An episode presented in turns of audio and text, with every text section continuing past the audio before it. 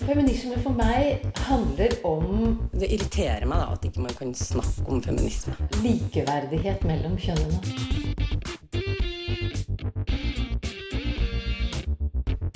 Det blikket på kvinnen på film. handlet det om å bli tatt på alvor som jente.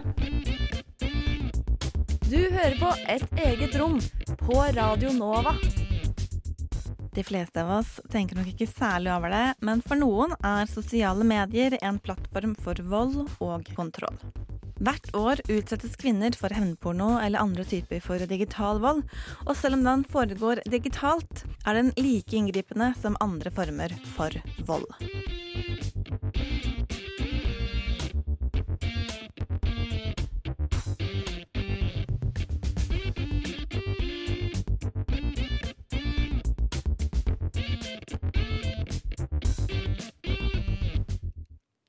God mandag og velkommen til Et eget rom, Radio Novas feministiske program. Hver mandag så tar vi for oss et tema som vi mener passer inn under den store paraplyen feminisme, og som vi ønsker å se litt nærmere på. Men i dag så blir det litt eh, annerledes. Koronasituasjonen kan også gjøre det litt mer utfordrende å lage radio. Så i stedet for et helt eh, nytt innhold eller tema, så har jeg funnet frem noen spennende utdrag fra tidligere sendinger som jeg mener fortjener et lite gjenhør. Men litt nytt blir det likevel, fordi Anita Kristiansen har funnet frem til noen helt nye feministiske nyheter som du skal få høre her på Radio Nova før klokken blir elleve. I sommer så fortalte NRK P3 om Kaja, som opplevde at sexvideoer av henne havnet på pornonettstedet Pornhub uten hennes eh, samtykke. Og videoene de var filmet av Kajas ekskjæreste uten at Kaja var klar over det, og havnet altså på internett. Slike former for hevnporno har blitt satt på dagsorden flere ganger de siste årene, og har også vært et tema her i et eget rom. Det som er problemet med det, er jo at eh, når sånne bilder deles, så har man jo null kontroll over hvor det ender opp. Og det sitter jo på en måte igjen i mange år, da. Og det sitter igjen i kroppen, og det kan jo ødelegge relasjonene man har til folk rundt seg, og Ja, for jeg føler det er noe med det at man blir på en måte tatt fra noe som egentlig er veldig privat og intimt. da. Altså Noen tar det fra deg og på en måte deler det ut i offentligheten. ja. Og da kan man plutselig føle seg veldig sånn eksponert, da. At plutselig så vet alt, alle, alle vet alt, og Mm. ja. ja. Ann Marie Sunde og Andrea Scheid var det som snakket om hevnporno i dette klippet.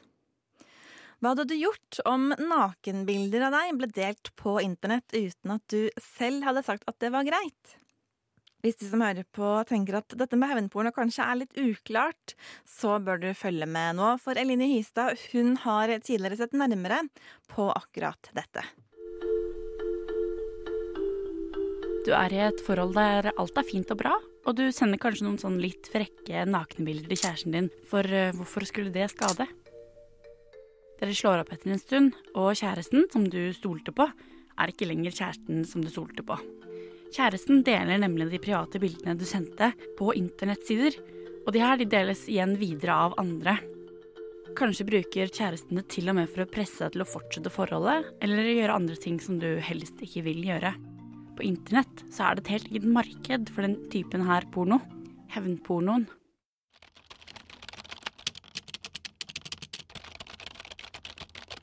Hevnporno fikk mye internasjonal medieoppmerksomhet i 2010, da nettstedet Is Anyone Up ble lansert.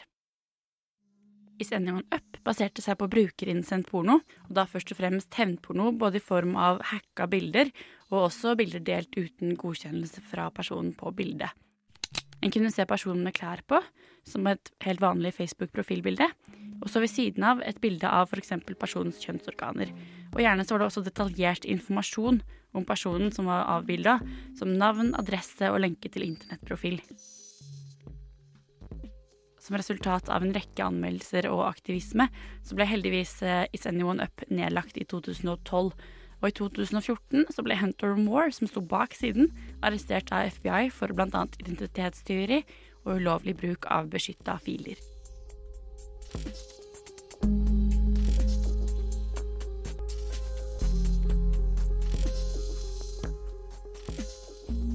Ifølge norske lover så har man rett på eget bilde. Det er ulovlig å dele andres personvernsopplysninger uten samtykke, og det er også ulovlig å bedrive utpressing. Man har også skadeerstatningsloven, som sier at det er ulovlig å krenke en annens ære eller privatlivets fred. Og denne loven kan også brukes i en hevnpornosituasjon. Vi har altså ikke noen spesifikk lovgivning rundt hevnporno i Norge, men de har en rekke andre land. Første land ut her var Israel, og Japan, Frankrike, Tyskland, Australia og Canada, for å nevne noen, har også en sånn spesifikk lovgivning.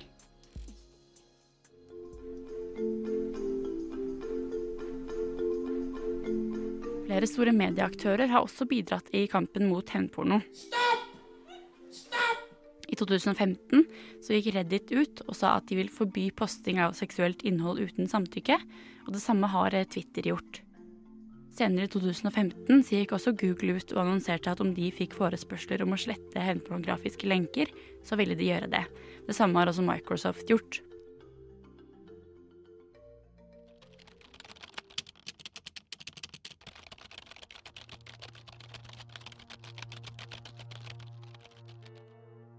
Hans Marius Tessem fra nettstedet slettmeg.no forklarer at eh, til tross for at det finnes en hovedregel om å ikke gi fra seg nakenbilder, så er det viktig å understreke at det er ikke de som har gitt fra seg nakenbildet som har gjort noe ulovlig. Det er den som deler det videre, som gjør noe galt. Og med et sånt fokus på at den som deler det videre, gjør noe galt, så kan man også bryte mange tabuer. For mange ofre for hevnporno skammer seg, og det er veldig viktig at de som skammer seg, forstår at det ikke er de som har gjort noe feil.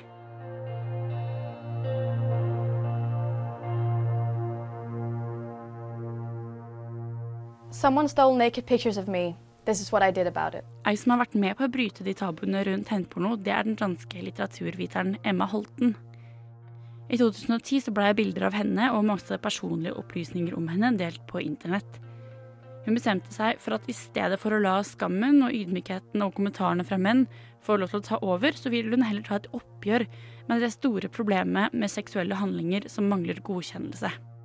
The issue of hacked photos is part of a larger problem with our relationship to consent. Creep shots on public transport, catcalling on the street, the shocking rates of assault on US college campuses. None of these women agree to a sexual situation. But again, to many others, this is part of the allure. The more I understood how these things were related, the angrier I became. Derfor så tok hun kontakt med en fotograf og bestemte seg for at i stedet for å være objekt uten kontroll over bildene som ble delt av hennes nakne kropp, så ville hun heller være subjektet og ta kontroll over kroppen sin selv. Hun tok en helt ny bildeserie med nakenbilder som hun hadde godkjent, som hun hadde kontroll over, og som hun hadde valgt å publisere selv. Consent is key. I did this. Just as rape and sex have nothing to do with each other, Pictures shared with and without this consent are completely different things. Eline Hystad var det som ga oss denne innføringen. Danske Emma Holten fikk oppleve voldtektstrusler, pengeutpressing og skam etter at nakenbilder av henne ble spredt på internett. Emma hun var 17 år gammel da e-postkontoen og Facebook-kontoen hennes ble hacket.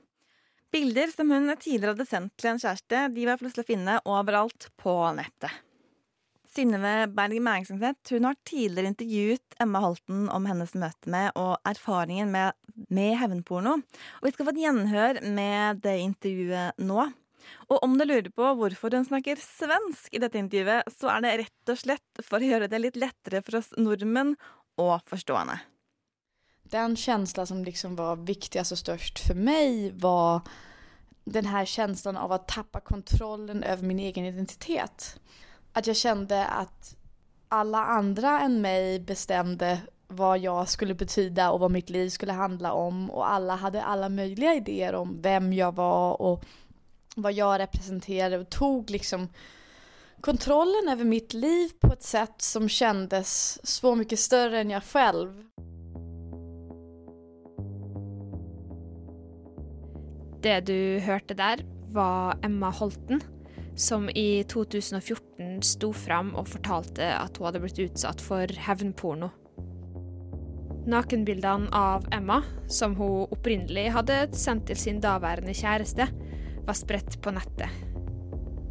Mailen hennes var hacka, Facebooken hennes var hacka, og bildene ble publisert og sendt sammen med informasjon om hvor hun bodde, hva hun studerte og hvem foreldrene hennes var. Det var helt utenfor min forståelse hva det vil si å være en marginalisert person og hva det vil si å være en fornedret person. Siden 2014 har Emma heva stemmen og blitt en viktig samfunnsdebattant. Og selv om hun fortsatt uh, omtales som hun som ble utsatt for hevnporno, så trives hun sjøl best i rollen som ekspert og debattant. For det er litt det hun har blitt. Men det er jo ingen tvil om at det å være offer for hevnporno ødelegger livet på så mange måter. Og jeg var veldig nysgjerrig på hva er det som er motivasjonen bak? Hva ønsker man å oppnå? Altså, det finnes jo olika folk som deltar av olika skäl. Det finnes jo det som jeg skulle kalla hämndporr som er når offret og kränkaren kjenner varandra personlig. At noen gjør det for at de er arga over noen som har gjort slutt med dem, eller de er arga på en kompis, eller de har whatever. Um, men jeg tror det som er veldig mye svårare å prate om, som er mye mer utbrett, det er, det, det är folk som gjør det for å ha det gøy. Liksom. att de tycker det er rolig. De forutmjuker og fornedrer andre mennesker for underhållning. Det er underhållning for dem? Ja. Det er definitivt underhållning for jättemycket folk det her. Alltså helt klart majoriteten av människorna som deltar i att sprida bilder, att skicka dem vidare, att trakassera offret, kontakta deras föräldrar, lägga upp det på Facebook. De gör det för att de tycker det är roligt. Okej, okay, så majoriteten av dem som deltar i det her, gjør det for moro skyld? For meg så høres det nesten litt for enkelt ut. For det handler jo om noe mer enn underholdning, gjør det ikke det? det som vi måtte se på det er hvorfor er det flest kvinnelige offer og hvorfor har det størst konsekvens for kvinnelige offer. Att stör, det är mycket på längre bana, mycket längre konsekvens för dem, det är mycket mer förnedrande, det anses mycket mer skamfullt för kvinnor. Och jag tror där är vi inne i en väldigt klassisk feministisk problematik som helt enkelt handlar om att vi, ger, att vi skambelägger kvinnors sexualitet för att vi vill att den ska kontrolleras. Så selv om det er flere kvinner som blir, er ofre, så er det mer skamfullt å være kvinne som blir utsatt for det? Helt klart, det skulle jeg si. Alltså, det er jo så klart veldig skamfullt for en mann også, ingen tvil om det. Men min generelle erfarenhet er at den sosiale konsekvensen for kvinner på lange banan når det kommer til anställning, när det kommer till eh, få en partner senare i livet, när det kommer till kompisrelationer är mycket, mycket, mycket, mycket mer allvarlig.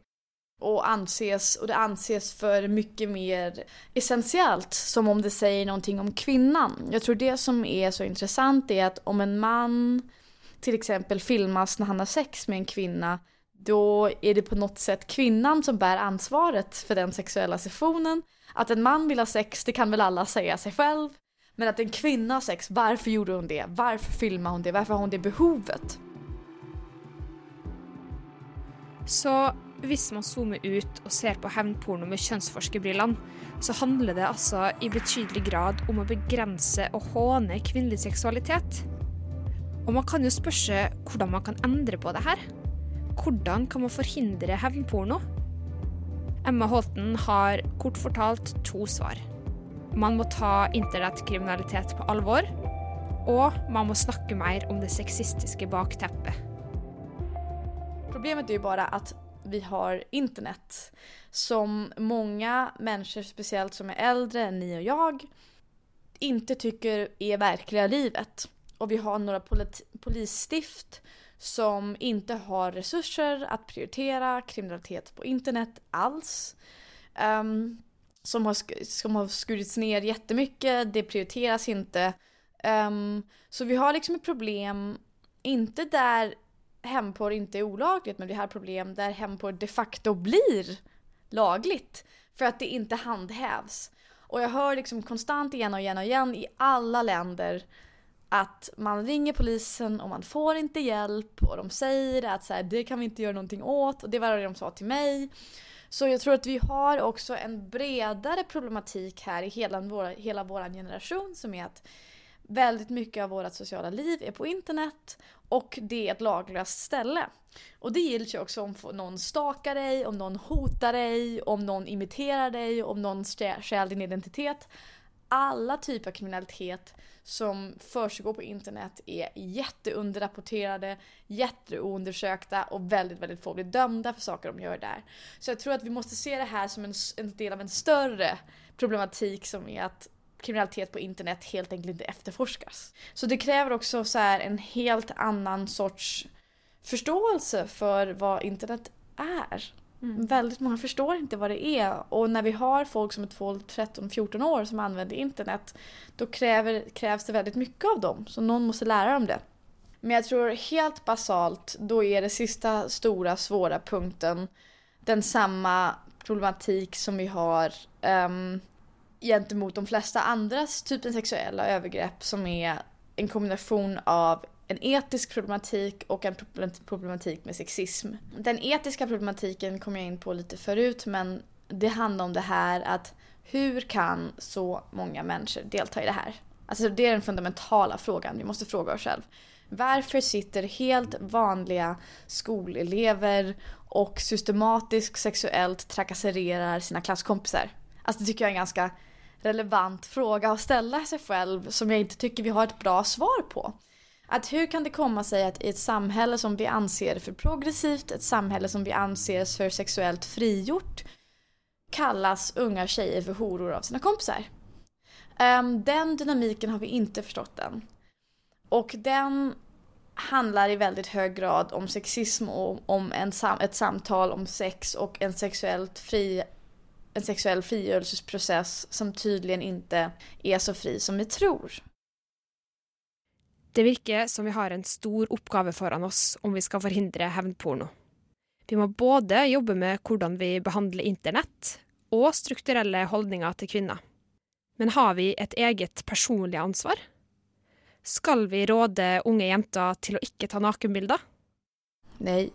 Jeg tycker at vi lever i et rättssamhälle och i ett rättssamhälle bestämmer inte kriminella hur laglydiga borgare ska bete sig. Och det vill säga att om du går nere på Parkvägen där vi sitter och någon slår dig i ansiktet, då säger inte dina föräldrar aldrig gå på Parkvägen igen, där slår, blir folk slagna i ansiktet. Det skulle anses som en, en, ett gigantiskt problem med din rätt att röra dig fritt i landet.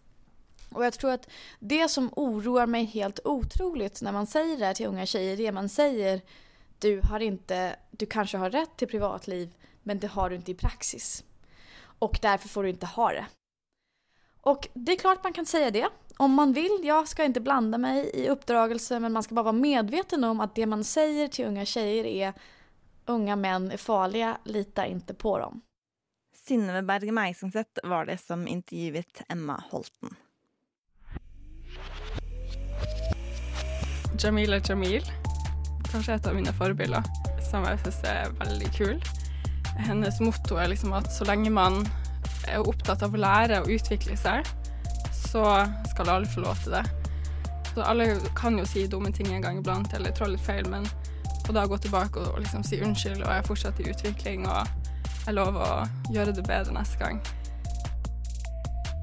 Du hører på Et eget rom. Radio Novas feministiske program. Trakassering, spredning av seksualiserte bilder, trusler og overvåking. Digital vold kan ha mange former, men hva skjer når den som utøver volden, er en du egentlig er glad i? Det er denne digitale volden du skal få høre mer om her i Et eget rom, etter at vi har hørt Snelle med låta Byjente.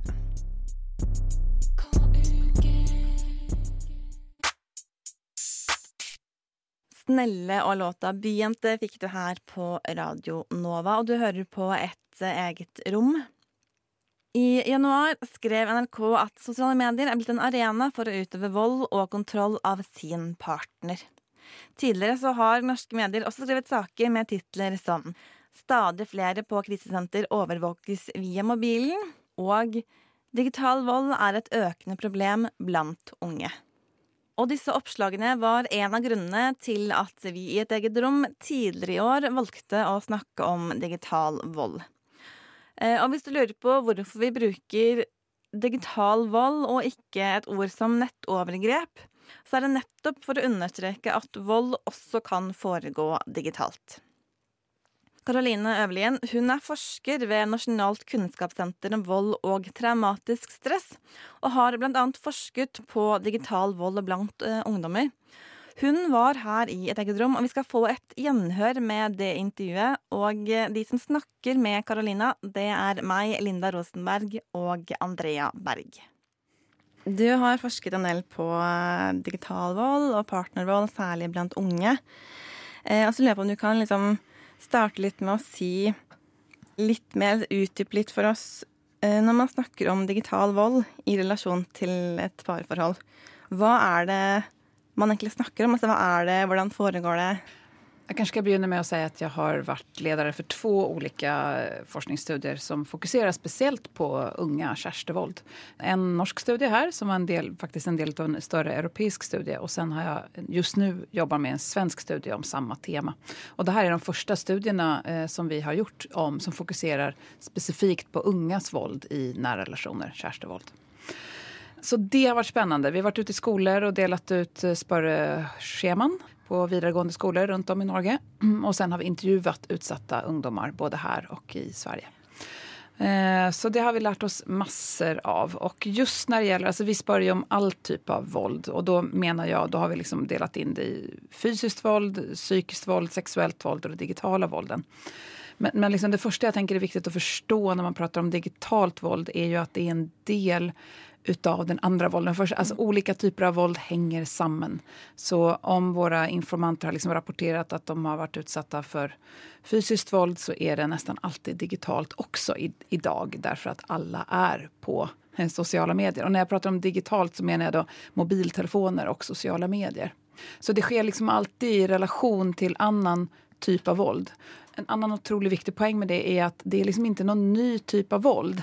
Det er ikke noe annet vi ser som vi liksom ikke har studert tidligere når det gjelder partnervold mer generelt. Utan det er bare det at det, det er liksom same same, eh, men det utføres nå med hjelp av mobiltelefon og sosiale medier, som jo ikke da fantes liksom for 20 år siden. Men hvis vi kan gå liksom enda litt mer inn i det det du har forsket på. Mm. Hva er det disse ungdommene forteller mm. eh, når de som er litt utsatt for, for parforhold, mm. eller parvold?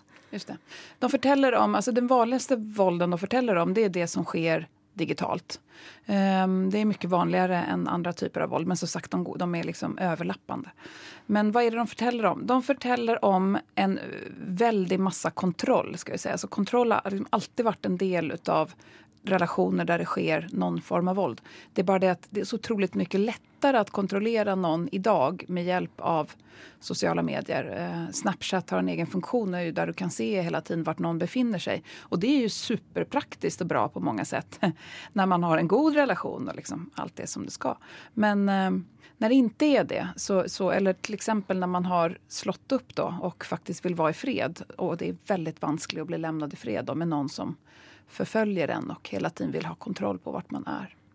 Men basert på denne forskningen som er gjort på tenåringer, vet man noe om hvor utbredt det her er? For man har mm. kanskje ikke visst så veldig mye om parforhold Nei, parvold, jeg sliter veldig med det her. Eh, blant unge tidligere. Nei.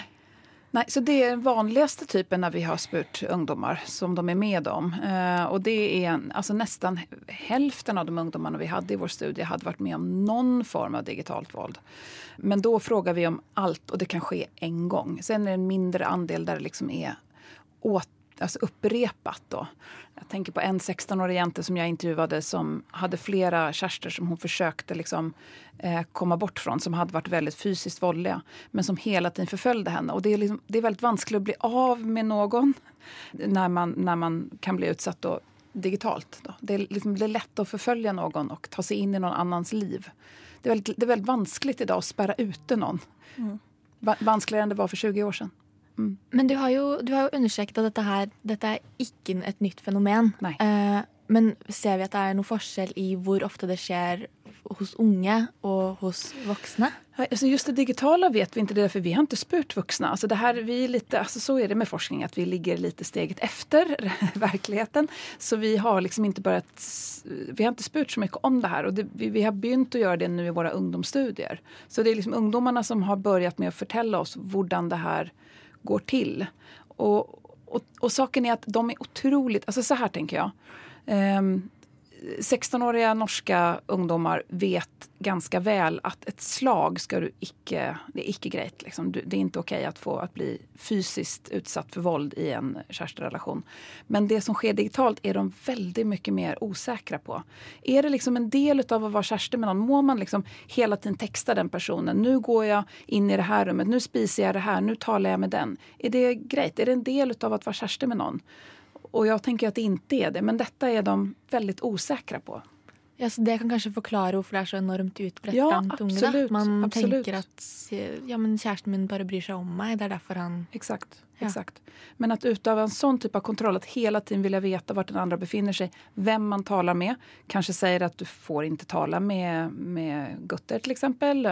Ta en bild av alle du har rundt deg. Er det en gutt der, da må du dra hjem omedelbart. Altså Sånne ting har vi hørt at jentene framfor alt forteller om. for dette er et könnet fenomen.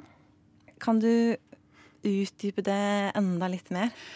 Eh, det har vi vetat lenge, vi som forsker om det her, at det er et könat fenomen. Eh, I våre spørreundersøkelser så er det absolutt flest kvinnor som sier at de har vært utsatt. Og det var det også i vår studie. Det var mest jenter som sier at de er utsatta. Og det er framfor alt når det gjelder sexuella vålden. Det er der du ser de store forskjellene. Når det gjelder digitalt og psykologisk våld så ser du ikke lika stor kjønnsforskjell. Men det sexuella og, og även det fysiske, det er der du ser forskjellen. Eh, sen vet vi også at jenter blir utsatta för våld oftere och som är mer allvarligt. Det ger allvarligere konsekvenser og de er liksom räddare de, ja, så. Så att, eh, än vad gutterna rapporterer at de er. Så vi spurte i vår spørreundersøkelse hvordan du følte det etter at det hadde skett. Og der ser man en stor kjønnsforskjell. At jentene rapporterer at de er redde, de är lazy, de kjenner seg krenket og sånne ting. Medan skuttarna rapporterar mer, liksom, köns, alltså mer neutrala eh, ting. Att det liksom inte spelat det var bara på tull och sådana ting. Sen, sen, och det talar vi forskare mycket om, att uh, vi som forskar på de här temana, att det, det, kan ju också vara så att gutter inte kan, uh, upplever att, att de kan rapportera om det här lika mycket. Så, alltså att det är mer tabubelagt då bland, bland gutter. Så kan det vara.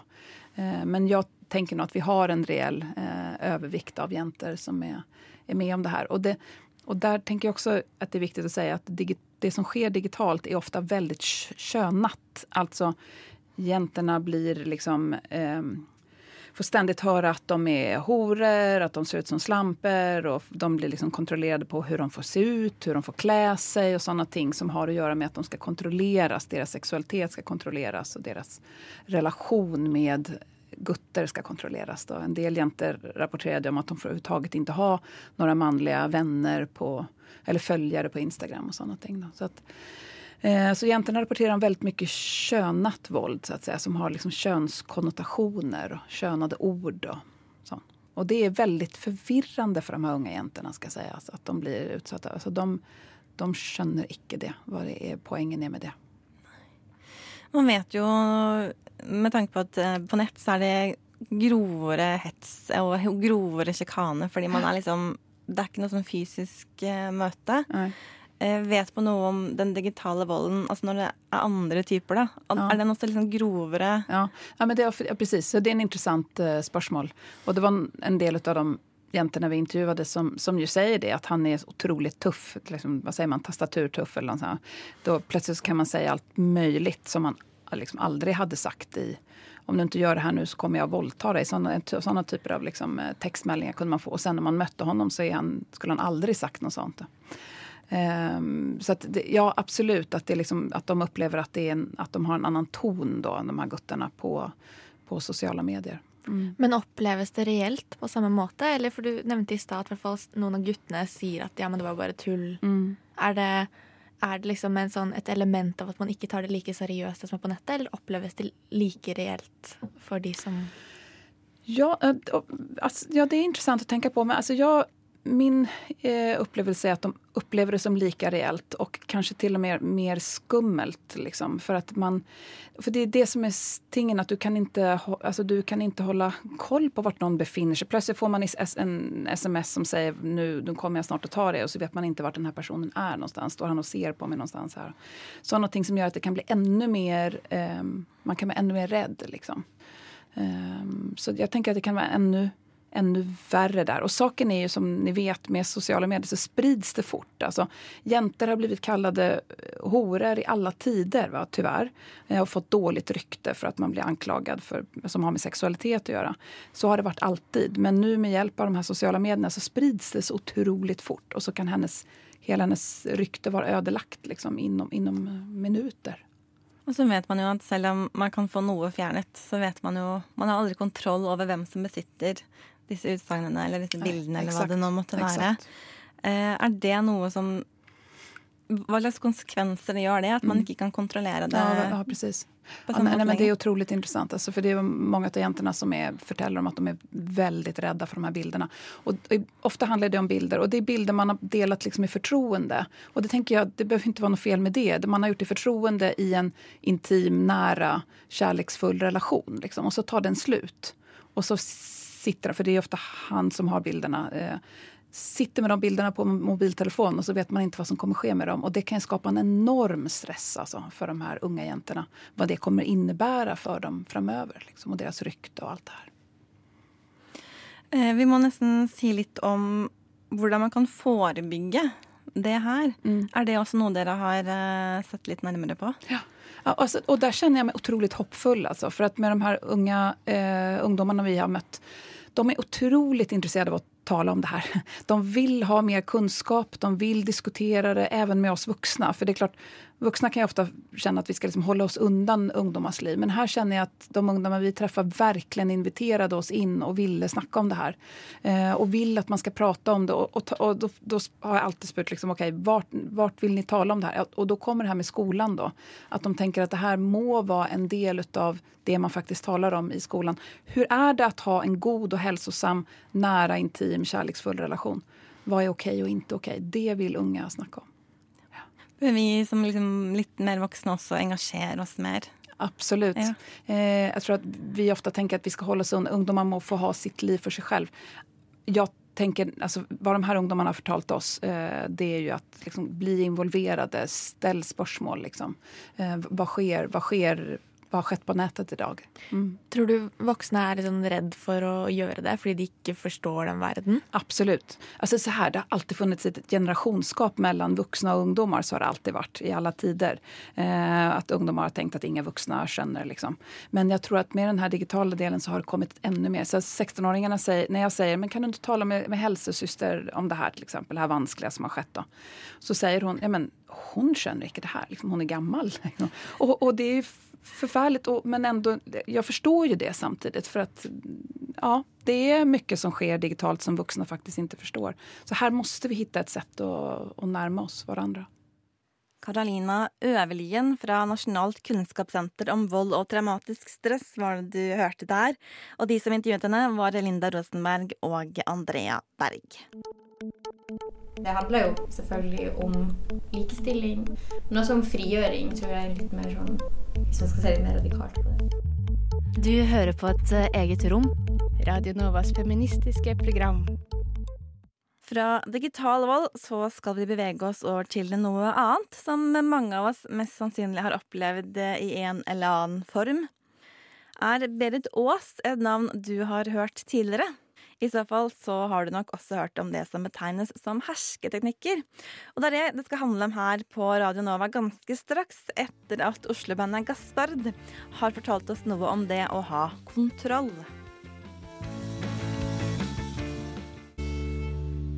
Må ha kontroll, sang Gaspard her på Radio Nova og et eget rom. I forbindelse med 8. mars 2019 så deltok et eget rom på festivalen Femfest med en livesending om det som betegnes som hersketeknikker. Eh, og her er et utdrag fra den første delen av denne sendingen. Ja, god lørdag, alle sammen. Dere hører på Et eget rom, Radio Nova sitt feministiske program. Og det er altså med Synnøve Berg Meisingseth, og Linda Therese Rosenberg som sitter her. Eh, vi skal prøve å gå litt i dybden på hersketeknikker. Se litt på hvem utøver det, og når. Hvem utsettes, og hvordan kan man avdekke det, og hvordan kan man møte det. Og hva er det? Ja, og hva, hva er det egentlig? Ja. Eh, og så har vi også fått to gjester opp på scenen. Vi har Hilde Sandvik, som er journalist. Og så har vi Victoria Øverby Steinland, som jobber på Likestillingssenteret. Kanskje bare istedenfor at de snakker for dere, kan dere si litt om hvordan dere har jobba med hersketeknikker? Jeg eh, Hilde Sandvik som snakker nå. Har eh, rett og slett eh, skrevet en bok om hersketeknikker som kom ut eh, 2007. Så den har jo vært ute ganske lenge. Jeg ble spurt av et forlag faktisk om å se hva har skjedd med hersketeknikker siden 70-tallet. Og jeg tenkte da den gangen at ja, det er det jo veldig mange som har sett på. Og så var det ikke det. Eh, Så når vi kom med den boken i 2007, så var det på en måte den første boka som, som omhandla det temaet. da, eh, Om alt som har skjedd og med bruk av hersketeknikker på alle de år. Eh, ja, eh, tusen takk for at jeg får komme hit. Eh, Victoria fra Likestillingssenteret på Hamar. Vi jobber med likestilling og har et bredt likestillingsbegrep. Eh, og jobber med mange ulike eh, prosjekter. Så en av de tingene vi jobber med, er hersketeknikker. Som da henger litt sammen med den arven fra Berit Aas, som var grunnlegger av det som i, din, i sin tid het Kvinneuniversitetet, og som i dag er Likestillingssenteret. Så jeg har jobbet med hersketeknikker ved at jeg har utvikla noen workshops og holdt de workshopsene. Eh, og da fått mulighet til å snakke med andre om hersketeknikker. og Gå litt i dybden på hva det er, og hvordan det utøves, og ikke minst hvordan man kan forsøke å motstå hersketeknikker. Hvem er det du holder seg workshopene for? F.eks. For, for fagforbund, eh, men også for eh, bedrifter. Det er et tilbud vi har, så vi, vi kommer til alle som har lyst til å få besøk av oss. Og det gjør vel du også, ja, Hilde? Gjør, ja, og jeg har- òg hatt veldig mange foredrag og workshops eh, etter at boka kom. nå, Og det har jo blitt en enda større fokus på hersketeknikker etter metoo. Jeg har merka det faktisk veldig godt. At en har begynt å snakke mye mer igjen om makt og skeivt maktforhold. sant? Eh, som har gjort at jeg har fått flere altså mer, mer på, pågang rett og slett de siste, siste året. Jeg tenkte kanskje vi kunne holde, uh, diskutere litt det her med historien om Berit Aas. Jeg vet du kan litt om det. Hvor, hvorfor er hun Hvem er hun? Ja, eh, ja, det vet jeg jo. Du også egentlig kan veldig godt til det, men jeg kan jo begynne. Eh, altså, Berit Aas er jo den som, som populariserte begrepet hersketeknikker på begynnelsen av eh, 80-tallet. Berit Aas eh, er jo hun er 90 år nå. Eh, hun er, har vært en aktiv eh, politiker, stortingspolitiker, eh, utdanna sosialpsykolog. Så eh, det som på en måte var, eh, var oppe eh, altså det, som, det som førte til at hun etter hvert skrev en bok om hersketeknikker, var at hun på 70-tallet jobba i et mannsdominert miljø, hvor hun opplevde å til stadighet ikke bli hørt. Hun opplevde å bli avbrutt, hun opplevde at hun ikke fikk delta i beslutningsprosesser, eh, og følte seg rett og slett kanskje litt dum. Og så begynte hun da å studere hva kollegaene hennes, hennes mannlige kollegaer, gjorde. Eh, og etter hvert så begynte hun også å kopiere hva de gjorde mot henne. Så eksempelvis under møter så kunne hun da, når en mannlig kollega begynte å prate, så kunne hun bevisst gå og hente seg kaffe. Eller kanskje begynne å fikle med penn og papir og bare bevisst ikke følge med på hva eh, den som snakker, sier. Og det hun eh, erfarte, var at det hjalp faktisk. Plutselig så opplevde hun en respekt hun ikke hadde fått tidligere. Heldigvis da, så benytta Berit Aas den, eh, den erfaringen her på en konstruktiv måte. Så istedenfor å bare fortsette å oppføre seg dårlig mot kollegaene sine, så valgte hun da å skrive en bok. Hva er det den heter? Eh, 'Kvinner i alle land håndbok i frigjøring', som kom i 1981. Eh, og det var da hun, hun benytta begrepet hersketeknikker og lanserte fem ulike hersketeknikker som, som vi i dag fortsatt eh, kan referere til, selv om bl.a. du, Hilda, har vært med på å, å kanskje utvide og legge til litt innenfor de fem opprinnelige. Ja, og det, det som Berit Aas eh, er veldig klar og tydelig i Og som jeg er iallfall veldig uenig med henne i, er at det er, hun mener at det, bare, det er bare menn som kan bruke hersketeknikker mot kvinner, og at kvinner ikke bruker hersketeknikker. En kaller, kaller, det da, som f.eks. hun sjøl gjorde når hun satt i kommunestyret i Ås og, og fikla med pennen og henta kaffe og den slags, så kaller hun det for motmakt når det er kvinner som gjør det, mens menn er de som bruker hersketeknikker. Og Det betyr jo i realiteten at Berit Aas mener at kvinner egentlig ikke kan ha reell makt. Eh, fordi du kan bare ha motmakt. Eh, og noe av det vi så på eh, når vi begynte jeg, jeg, skrev denne boka sammen med en som heter Jon Risdal, som akkurat da holdt på å skrive en master i retorikk.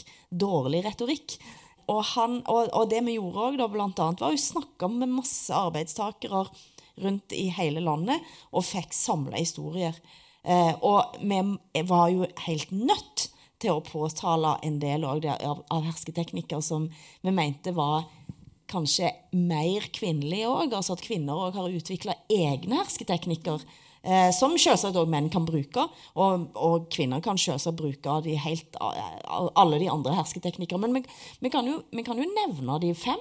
Ja. Eh, for de er jo veldig klassiske. Så har en på en måte satt, så kan folk begynne å tenke liksom sånn Har jeg opplevd dette? og ja. Kan dere også komme med liksom praktiske eksempel på det? Mm. i det dere går gjennom? Ja. Absolutt. Vi kan jo ta annenhver, da. Ja, kan. Eh, da kan jeg begynne med nummer én. Eh, usynliggjøring. Som da handler om at man eh, ikke får plass, at man ikke får sin stemme hørt, men at man snarere blir usynliggjort. Men det kan også handle om at din kompetanse blir usynliggjort, og at du blir, blir behandla på en nedlatende måte, eller at folk snakker over deg, eller at, at ikke folk vil lytte til den kompetansen som du kommer med. Ja, men der har vi jo mange klassiske eksempler. Men eh, ja, det, det å, å, bli avbrutt eller det å, eh, å, ikke få være med i beslutningsprosesser, eller, eh, eller det som vi kanskje i dag eh, kaller for mansplaining, er jo kanskje en sånn typisk eh, usynliggjøring av eh, andres kompetanse. Og Det er jo helt sånn klassisk hvis du sitter på et møte og du har akkurat uttalt et eller annet, og så er det en mann som sier det samme rett etterpå. Og så er det en tredjemann som begynner å snakke, som refererer til den andre mannen. Som om du ikke har sagt noen ting. Det er jo en, det er en erfaring som jeg tror ganske mange kan ha. Som jeg vet òg menn opplever.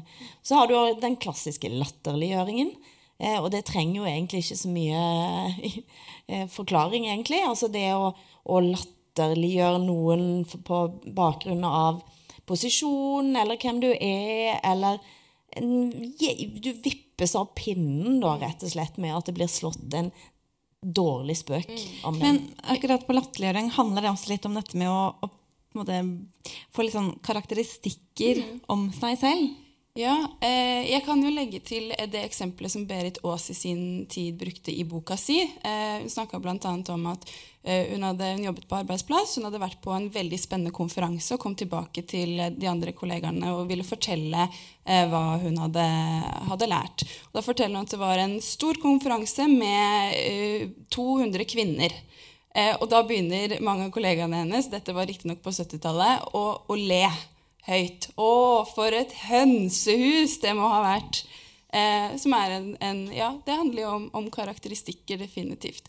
Og så er det klart at det eksempelet virker kanskje, håper jeg, litt karikert i dag. Men jeg tror nok at det er ganske mange sånne stereotypier og dårlige vitser som kanskje har eh, rot i sexisme, som fortsatt eh, mange opplever. da. En, en jente, kvinne, eh, må jeg vel si, kvinne, som var på en arbeidsplass jeg var holdt foredrag for. Uh, hun fortalte en gang om Hun det var en enormt god måte å slå tilbake på. Var, hun jobba på en mannsdominert arbeidsplass, og hun gikk gjennom da, en stor verkstedshall hver dag på vei inn på sitt uh, kontor. og så var det en mann da, som en dag hadde sagt at hver gang du går forbi, går gjennom dette rommet, så kler jeg av deg med blikket. Hvorpå denne kvinnen svarte det gjorde jeg òg første gang jeg så deg, og det ble med den gangen. Ja, vi, jeg og Linda snakka litt om i sted at under den, det punktet latterliggjøring så kan også det med å uh, indikere at en kvinne kun er seksuelt interessant, være en del av det. Mm. Mm. Ja. Mm. Jeg kan ta nummer tre. Det er tilbakeholdelse av informasjon. Som rett og slett handler om at man da blir utestengt fra arenaer hvor viktige beslutninger tas, eller, ja, typisk at man har f.eks. en sånn gutteklubb, en grei, hvor man ikke får lov til å bli med på lønningspils eller eh, på golftur med de andre. Eh, kan selvfølgelig også være andre uformelle nettverk som, som skapes eh, enten på en arbeidsplass eller andre steder hvor også hersketeknikker forekommer.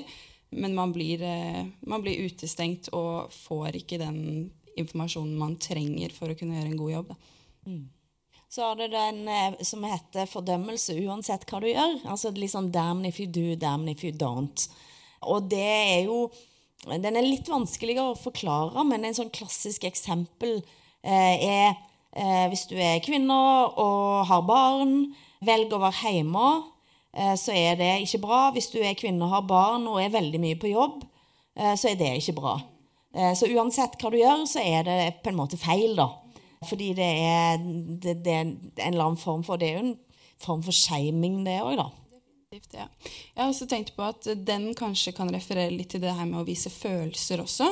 At kanskje mm, hvis du viser mye følelser, hvis du er sint f.eks., da blir du fort hysterisk. Da må du roe deg ned. Eh, hvis du ikke viser nok følelser, da er du ikke engasjert nok kanskje heller. Eh, og Det er klart at det tror jeg er noe alle kjønn kan eh, kjenne på. Men så er det også en god del kjønna stereotypier knytta til hvem som viser hva slags følelser, og hvilke følelser som er greit å vise her og der. Ja, altså Hvis du er en kvinne da, som ikke nødvendigvis er sånn som lett eh, gråter, eller hva som helst, så blir du kalt for isdronningen, f.eks. Mm. Eller ukvinnelig. Mm. Og så blir du lett hysterisk i den andre enden. da. Ja. Mm. Eller, eh, eller den typiske ja, sjef versus sjefete. At du, du, kan på en måte aldri vinne fordi du møter disse kjønnede eh, kategoriene. Jeg en til? Ja. ja. Eh, den siste det er påføring av skyld og skam, som eh, handler om eh, når du på en måte blir shamet, da. Eh, du, du, får ikke legitim kritikk, men du blir i stedet liksom ydmyket. Berit Aas sitt eksempel var eh, da hun hadde forsøkt å ta tak i det hun opplevde at var liksom dårlig møtekultur, hvor hun ikke slapp til. Så hadde hun etter eh, en anledning foreslått for eh, sine medarbeidere eller for kollegaene sine eh, kanskje vi skulle hatt et litt annet type møte en dag. Jeg kan f.eks. bake en kake, og så kan vi gjøre det litt sånn uformelt. Og da får hun til svar dette her er ikke en barnehage. Hvis du ikke klarer å delta aktivt i møtene, så må du ta deg sammen. Vi andre kan ikke ta ansvar for at ikke du kommer til ordet. Um, her, er ikke, her, er det ikke, kritikk, her er det bare ydmykelse, skyld uh, og skam. Og, og, skylden blir da plassert på henne. Man har kanskje sett spesielt det her også nå eh, rundt metoo og sånn òg, kanskje? Mm. Og rundt seksuell trakassering og ja, jo, altså den, den, eh, den, debatten rundt metoo har vært veldig interessant. Og den har òg vært veldig interessant fordi at uh, da uh, I det arbeidet jeg har holdt på med i hersketeknikker, så uh, er det ett vesentlig punkt, og det er derfor at det er interessant å holde kurs og snakke om det. Fordi i veldig stor grad så handler det om å få et slags middel til å rasjonalisere et ubehag. veldig ofte når en utsettes for hersketeknikker, det som skjer, er at en kjenner seg veldig dum. Plutselig så får en en liten klump i magen. Det kommer en sånn Åh! Eh, og så finner en ikke ut av det egentlig før etterpå. På vei hjem, kanskje. Eller når en har lagt seg på kvelden og begynner å grunne av hva det var som egentlig skjedde. Og det der, det der, med hjelpen til å rasjonalisere det ubehaget, det tror jeg veldig på. Jeg tror det virker, faktisk. Mm. Og metoo har gjort det mulig for oss å snakke om noe som er enormt ubehagelig og ganske skamfullt, på en måte som handler om å ta det ut av egen kropp og plassere det der ute i stedet for. Eh, og, og det er kanskje det aller, aller beste en kan gjøre for å slå imot som det, eller stå opp mot, eller noe sånt, eh, eh, som, som fins. Ja, nei, Jeg skulle bare egentlig henge meg på der at det, det som er på en måte det viktige med ja, både metoo og hersketeknikker, er et, nettopp det med å plassere skyld på riktig sted. At man føler seg innmari dum, men hvis man klarer å identifisere at jeg blir utsatt for urimelig behandling her, og det er ikke jeg som er problemet, det er den som utøver hersketeknikker eller seksuell trakassering mot meg som er den skyldige. Og det er, det er dette vi må snakke om. Og så trenger, trenger en ganske sånn god trening i å skjønne hva som skjer med egen kropp. da. Eh, for det er ofte så er jo denne følelsen av å kjenne seg dum eh, Det er jo ikke noe som er trent i å liksom sette ord på. Eh, og bare det å trene seg på det gjør at en òg blir mindre offer for det. Og jeg tenker at metoo fører til at vi kan snakke med den det gjelder, umiddelbart.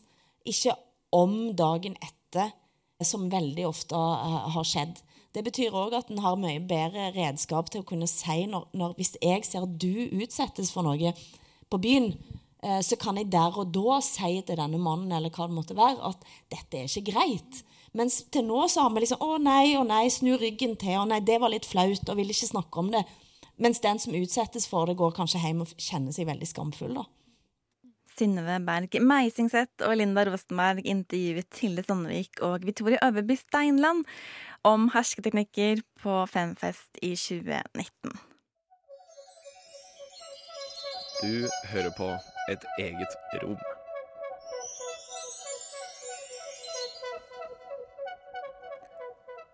Trenger du en liten oppdatering på det som har skjedd den siste uken? Anita Kristiansen gir oss denne ukens feministiske nyheter. Foran en full sal fortalte den danske medieprofilen Sofie Linde om å ha blitt utsatt for sexisme i mediebransjen.